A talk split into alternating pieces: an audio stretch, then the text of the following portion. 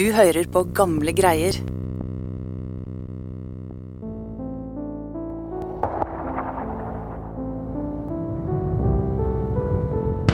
Da Ernest Hemingway kom til den spanske borgerkrigen i 1937 for å skrive om de første avgjørende slagene mot fascismen, så ble han møtt der ute i sanda og gjørma av ei 32 år gammel kvinne som alt var en veteran i krigen. Den unge dama, med det mørke, bustete håret og det tilforlatelige smilet, kunne ha vist Hemingway hvordan livet på fronten fungerte mens granatene smalt i lufta, og hun kunne hjelpe han å finne fakta til boka han skrev på, det som skulle bli Klokkene ringer for deg. Det var når hun ikke sjøl satt og dundra på skrivemaskinen sin. Som takk for all hjelpa og kanskje for underholdende kvelder i hotellbaren på det utbomba journalisthotellet Palace Hotel i Madrid, så ga Hemingway en gave. Ei skinnveske til å ha skrivemaskinen i. I den var det inngravert et navn. Lisa. Den engelske utgaven av Lise. Lise Lindbekk var Norges kanskje fremste krigskorrespondent noensinne. En rastløs journalist som gjorde akkurat det samme som menn gjorde i krigen. Om det var i det okkuperte Paris, når hun var stranda i den hvite byen i Nord-Afrika, eller under neonlysene i New York. På den måten så var hun ofte sin egen verste fiende. For hun tenkte er det én regel for eh, mennene, så er det samme regel for meg, ser det ut som hun egentlig har tenkt. Det kom hun til å få svi for. Som det ble skrevet i et portrettintervju i Dagbladet fra tida i Spania. En vakker dag kommer hun til å gjøre skandale.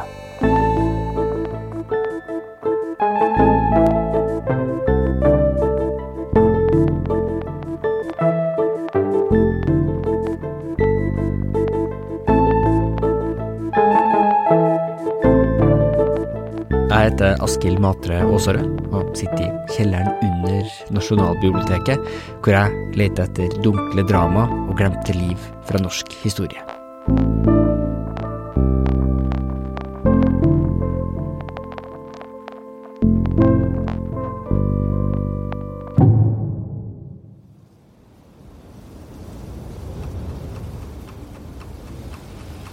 Andre januar 1938, øst i Spania.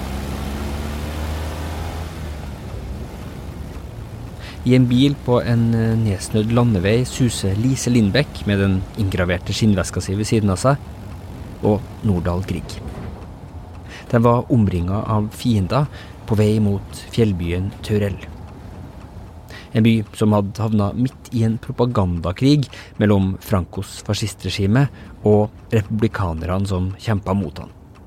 Og, og, dette her var jo midt i eh, en vinterstorm som var helt uvanlig for den tida. Altså Til og med ambulanser hadde problemer med å komme fram. Det her er Sigrun Slapgard, forfatter av den aldeles strålende biografien om Lise Lindbekk, 'Krigens penn'. Den Teruel en fjellby, så det svingete veier og, og veldig utilgjengelig. Og, og, de som har den byen, har, har jo en slags naturlig festning. Ifølge Franco så hadde fascistene tatt Teruel, men var det egentlig tilfellet? Lindbekk og Grieg ble kjørt et stykke på vei inn mot byen mens de hørte smellene fra artilleriet. De var nervøse, så de måtte styrke seg, som Lindbekk skrev. Heldigvis hadde Nordahl Grieg tatt med seg en flaske konjakk som gjorde sitt beste til å holde liv i oss. Bilen nærma seg etter hvert byen, som nå bare var noen håndfull kilometer unna. Da eksploderte plutselig granater over veien, bare 500 meter foran oss.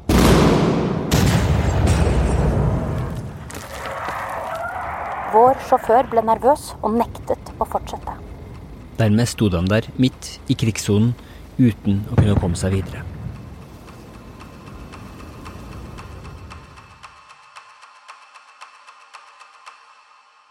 Veien frem hit til det utbomba Teruel midt i borgerkrigen var lang. Lise Lindbekk var født i Danmark i 1905. Familien flytta til Norge etter at faren døde da hun var 14 år gammel. Hun var svært begava. Hun utdanna seg til å bli arkeolog, men jobba stadig mer som journalist. I tilfelle av en mer omfattende krig enn verdenskrig må man altså nærmest betrakte hele Midtøsten som en slags militært tomrom. Her rapporterer Lindbekk fra ei reise til Midtøsten som hun gjorde for NRK. Og holder en stående her på en million. Men både Iran og Syria vest for Tyrkia ville sannsynligvis ikke Hun hadde gifta seg med den svenske arkeologen og senere avisredaktøren Sandfrid Neander Nilsson. De fikk dattera Janka i 1929. Men ekteskapet gikk i stykker samtidig med at situasjonen i Europa tilspissa seg. Og så oppdaga hun jo at uh, mannen uh, fikk mer og mer sympati med kanskje særlig uh, den framveksende nazismen i Tyskland. det blei problematisk siden Lise ofte skrev de artiklene mannen fikk på trykk. og, og det I ettertid så ser en jo at det måtte måtte ende med skilsmisse. Eh, men i datida så var det plutselig veldig oppsiktsvekkende at eh, Lise reiste fra mannen og fortsatte å være skrivende journalist. Reiste ut med skrivemaskin og et barn i samekomse. På denne måten så, så hun de store omkalfatringene som skjedde i verden. Hun reiste til Jerusalem og dekket den jødiske tilflyttinga dit. Og var også vitne til eh, riksdagsbrannen i Tyskland, og blei eh, kanskje en av de første som for alvor i norsk presse advara da mot eh, eh nazismen. Denne kampen ble eh, det eneste målet hennes, ofte på bekostning av alt annet. Altså, hun opplevde mm, fascismen så, som en så sterk trussel at det var helt riktig, sett med hennes blikk, å bruke journalistikken til, la oss si, vekke, vekke verden, da. Eh, for å si det på en litt enkel måte. Men derfor så satte hun seg da ikke på toget hjem til Norge, men på toget til Spania jula 1936. Janka, dattera, ble værende hos bestemora i Norge. Det, det valget skulle komme til å prege resten av livet.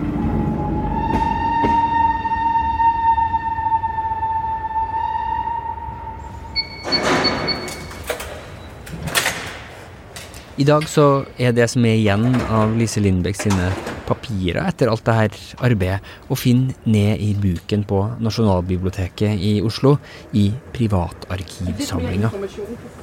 Ja, her ser jeg uh, Lise Lindbekk arkiv. Ja. Altså, her kan man i hvert fall se litt grann hva som er det. Ja, nemlig. Mm. Men for at det skal være enklest å hente opp, så skal det være minst mulig informasjon på ryggen. Ja. Ellers så blir det bare forvirrende. Ja. Forskningsbibliotekar Mette Witting er den som har organisert Lindbekk-papirene. Hun henta dem opp fra hvelvet, så biograf Slappgard og jeg kunne se på dem. Deler av de her papirene har en veldig interessant historie for seg sjøl. Da krigen kom, så ble det, ble det gjemt på huset her, så det ikke skulle bli oppdaget av tyskerne. Lise sin kjæreste, Max Hoddan, Klart, med hjelp fra bl.a. bibliotekar Hanna Lund, en forgjenger til Hvitting som i dag vokter over samlinga, og stuer bort papirer i gangen under biblioteket. En del av det materialet jo, som han så på som veldig sensitivt, ble jo pakka inn i tyske aviser, slik at i tilfelle tysk kontroll, så kunne det bare passere. Jeg mener det var her. Noen av disse avisene er også i dag bevart i samlinga. De inneholder bl.a. nazistisk propaganda. Neues Deutschland Ja, det er jo dokumentasjon av eh, nazismens framvekst, ja. rett og slett. Ironisk nok, da er det innpakningspapiret. Og det skal bli hennes beskyttelse, ja. på en måte. Her i papirene så finner vi også Lise Lindbecks reportasje fra reisa til Taurell.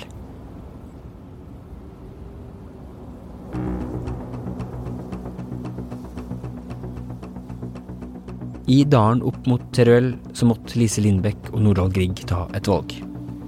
De hadde ikke lenger noen som kunne kjøre dem videre i bilen, Vi gikk ut av bilen og fram til nærmeste hus, som ved en lykkelig skjebnes tilskikkelse viste seg å være en antitanksstilling. Offiseren der lånte oss en tank, og i denne meget moderne ekvipasjen ble vi kjørt tvers gjennom en nokså lett artilleriild og rett inn i selve hjertet av Teruel. På denne delen av reisa så fikk de se resultatet av den blodige borgerkrigen. De siste 10-20 km var fryktelige. Langs hele veien lå det strødd svarte, små bunter som flyktningene hadde slengt fra seg i tretthet og panikk. De mange likene var bare så vidt slept bort fra veikanten. Hestekadavre lå og sprikte med beina rett til værs i den bitende frost. Artilleriilden lød stadig nærmere. Til slutt så nådde han fram til torget i byen. Plaza Trio de åpna luka på tanksen og krabba ut.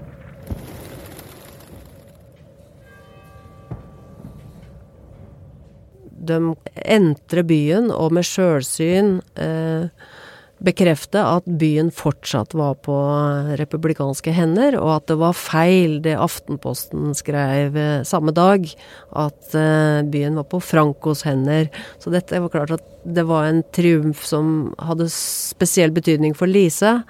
Det å kunne ved, ved altså dokumentere at eh, borgerlig presse gikk på Franco-propaganda.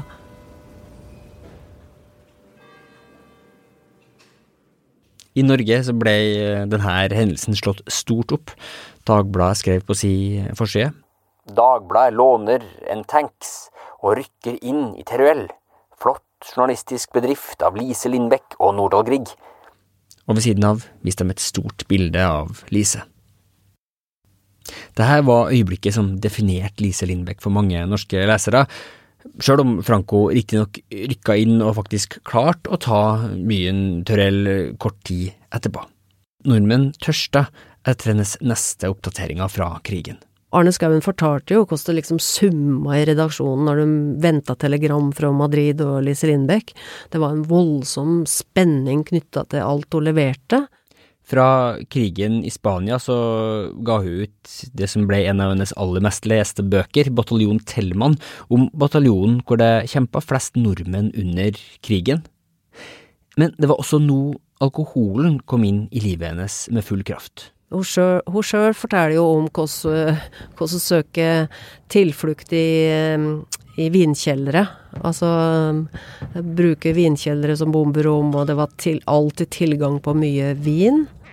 Om det var Spaniakrigen som gjorde Lise Lindbekk til et navn alle som bladd i avisa kjente godt til, så var det også krigen som kom til å gi henne traumene som fulgte henne livet ut. En av hendelsene som skaka mest, var noen av de siste store slagene i borgerkrigen, på Ebro-fronten øst i, i Spania, der Franco hadde overtaket. Hun var fanga i ei grotte der i flere uker mens krigen foregikk. Det var stort sett et fjellandskap hvor det ikke var mulig å grave skyttergraver. Soldatene hadde bare dekning i tilfeldige framspring i terrenget, og når flyene kom og slapp bomber like over stillingene deres, var de fortapt. Jeg kunne følge hele slaget oppe fra hulen jeg var blitt plassert i. Det bølget fram og tilbake. Av de 80 skandinavene som hun hadde fulgt, så var det bare tre som endte opp etter denne, det her slaget uskadd, og de aller fleste var, var døde. Krigen i Spania gikk ettertrykkelig mot slutten.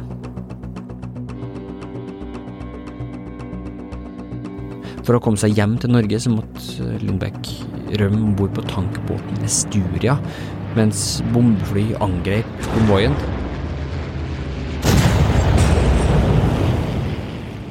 Tre av de fem båtene ble, ble truffet, og Lise sin eh, båt ble så dekka av granatsplinter at du kunne lese på dem at de var italiensk produsert.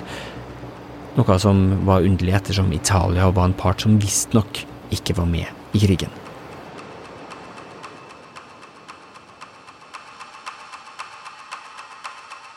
Krigen, og ikke minst fraværet fra dattera, begynte å sette spor som Lise Lindbekk sjøl skrev senere. Selv pådro jeg meg i de urimelig harde årene en alvorlig nervelidelse som det ser ut til at jeg aldri skal bli kvitt. Det var noe som gikk i stykker inni igjen. Mens hun var ute i Europa, så fikk hun stadig vekk brev og tegninger fra Janka, som også nå er en del av samlinga på Nasjonalbiblioteket. Det, hun er jo så søt og skriver blant annet Du ville jo aldri vært en sånn mamma med forkle. Og det ville jeg heller ikke hatt. Sånne ting skriver hun jo. Du må ikke tro jeg ikke har skrevet noe brev, for det har jeg nemlig. ja. Eh, det er sendt til Barcelona? Det ble sendt til Barcelona, ja. Så du får det når du kommer dit. Jeg vil helst være her. Heller eh, til jul når du kommer hjem, ja. Ikke sant? Være her til jul når du kommer hjem. Hilsen datter Janka. Problemet er jo bare at Lise aldri kom hjem til jul, da. Altså, jeg har felt noen tårer her. I den gamle håndskriftsamlinga. Jeg har til og med måttet ha gått ut et par ganger. Fordi du blir eh, både sånn eh, rørt, sjølsagt, over å, å, å lese eh, ting så tett på, men, men, eh, så brutal den tida var. Du må ikke tro at jeg vil late som om jeg er stor når jeg skriver i brevene, lille Mams. For jeg er din lille Janka og ingen annen. Altså det, det, er jo så du kan uh, gråte blod, ikke sant, når uh, du da veit at krigen kom imellom og det skulle gå seks år.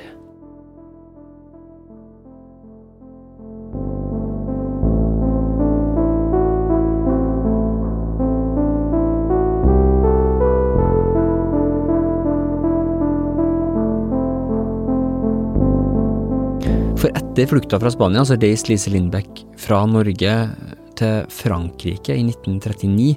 Der dekka hun flyktningestrømmene som kom gjennom landet fra resten av Europa. Vi sitter på fortausrestauranten og ser et tog av flyktninger nordfra strømme gjennom byen. Svære biler, fullpakkede med folk og bagasje. Madrasser spent ut på taket av bilene som primitive beskyttere mot luftangrep. Sykler i massevis. Folk som bare går, blinde for Paris omkring dem. Folk med panikk av det de har opplevd, i et ensrettet blikk, framover, sydpå, vekk fra fienden. Vi vil ikke se dem. Vi vil ikke tro at tyskerne kan komme. Så ser hun at andre verdenskrig eh, kommer. Har eh, hjemreisebillett 15.4.1940. 9.4 sitter hun i Paris og får beskjeden om at Norge blir okkupert. Det blir for seint og dra hjem til Janka. Og før hun egentlig får eh, beslutta seg om eh, noe som helst, så kommer jo den tyske invasjonen av Paris. Slik at Lise flykter hals over hode eh, sørover i Frankrike. Lise Lindbekk kom seg til Middelhavet. Silkeblått og solskinnende mot en vag horisont. Derfra så kom hun seg over til Algerie med en båt med franskmenn som ville slå seg sammen med de Gaulle. Til slutt så endte hun opp i Marokko.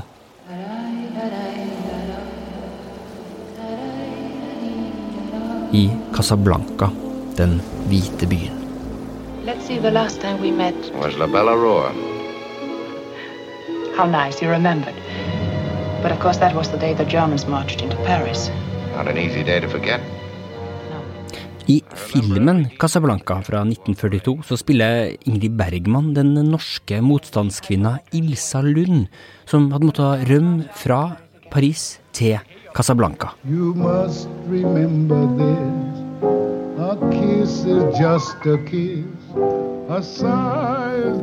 Men i virkeligheten så var ikke livet i byen så glitrende og glamorøst spennende som i fiksjonen.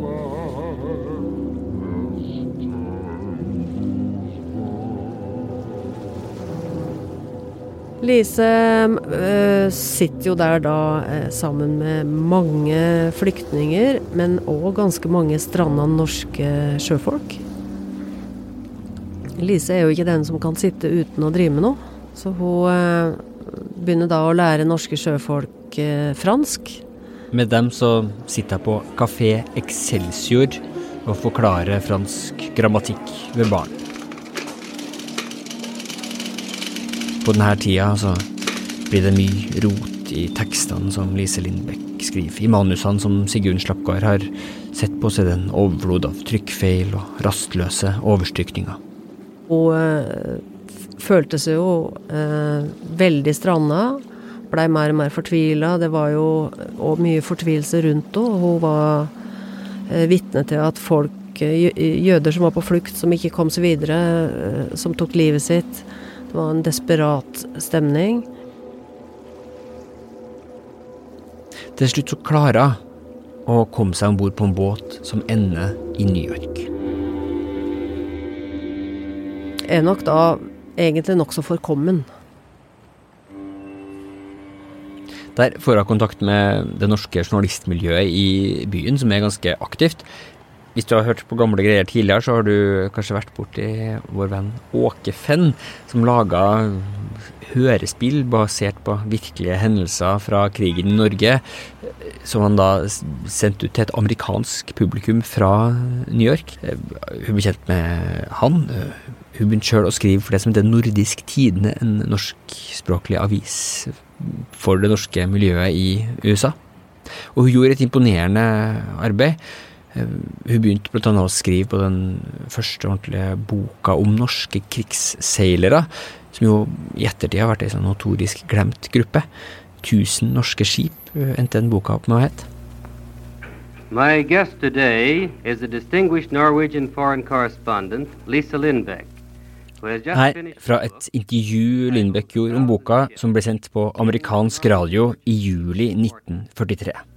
If you ask a Norwegian what Eidsvoll is, he'll know as surely as an American knows about Gettysburg or Valley Forge.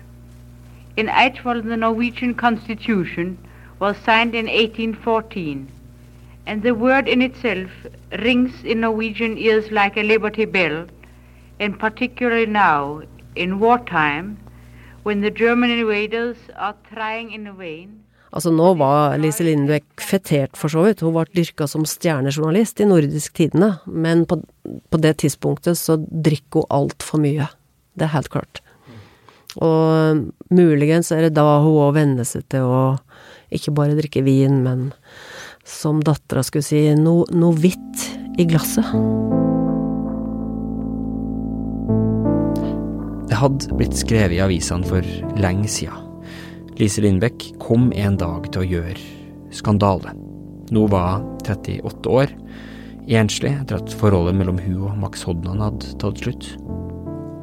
Ja, det, det, er klart det blir skandale når du, når du kanskje berusa eh, kommer gående naken ned ei trapp i et diplomathjem eh, til frokost. Eh, en del slike hendelser som som eh, jo skaper furore eh, rundt henne, og, og kanskje søker hun trøst i litt for mange mannefavner. Eh, altså, hun, hun, er i en fortvila situasjon, og innimellom så, så, ser det jo ut som hun da drikker seg vekk fra Altså, og drikker seg virkelig fra sans og samling.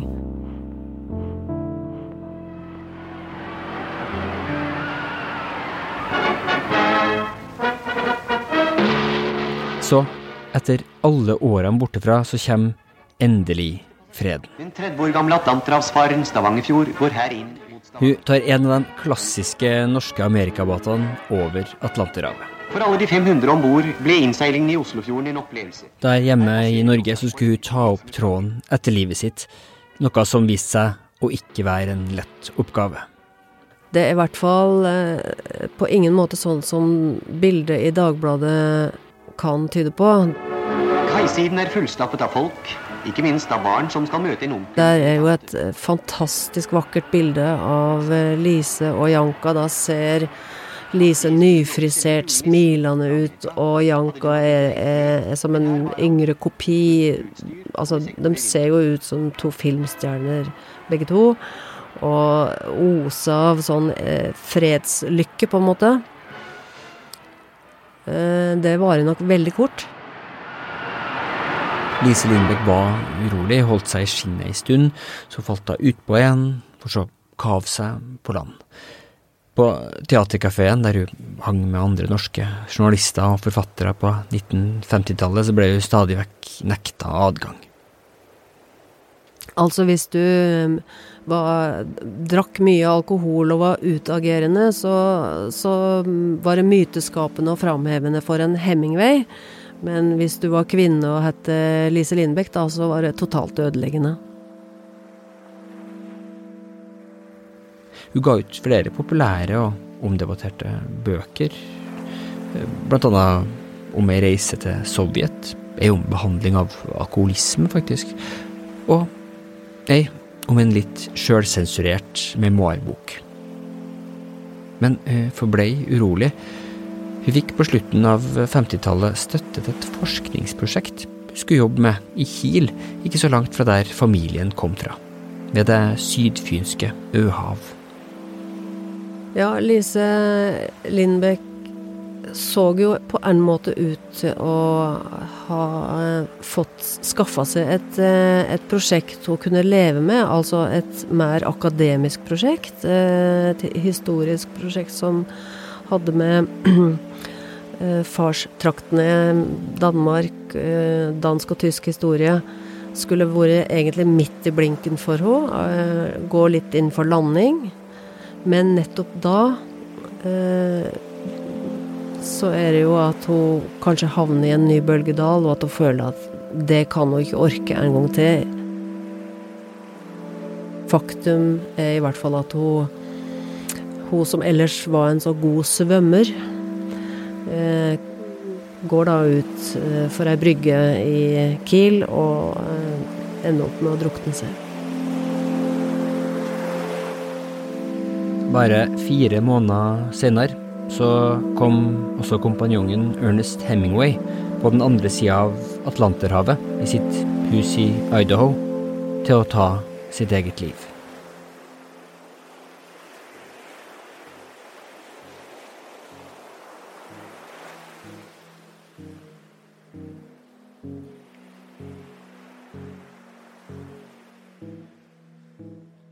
Jeg har tenkt mye på noe som Arne Skouen en gang sa. Du vet, sa e, egentlig så var Lise Lindbekk en av Spaniakrigens falne. Altså alt det bomberegnet som hun måtte tåle, og alt eh, Alle eh, de livsfarlige situasjonene hun var oppe i, og den, den påkjenninga det var å, å være vitne til at andre ble drept. Og, og sikkert òg mye tanker om at hun egentlig hadde varsla om at dette skulle skje. Lise Lindbekk skapte kanskje noen skandaler i sitt liv, men den sentrale skandalen som hun sjøl så, før de aller fleste i Norge, var at Europa sto i brann.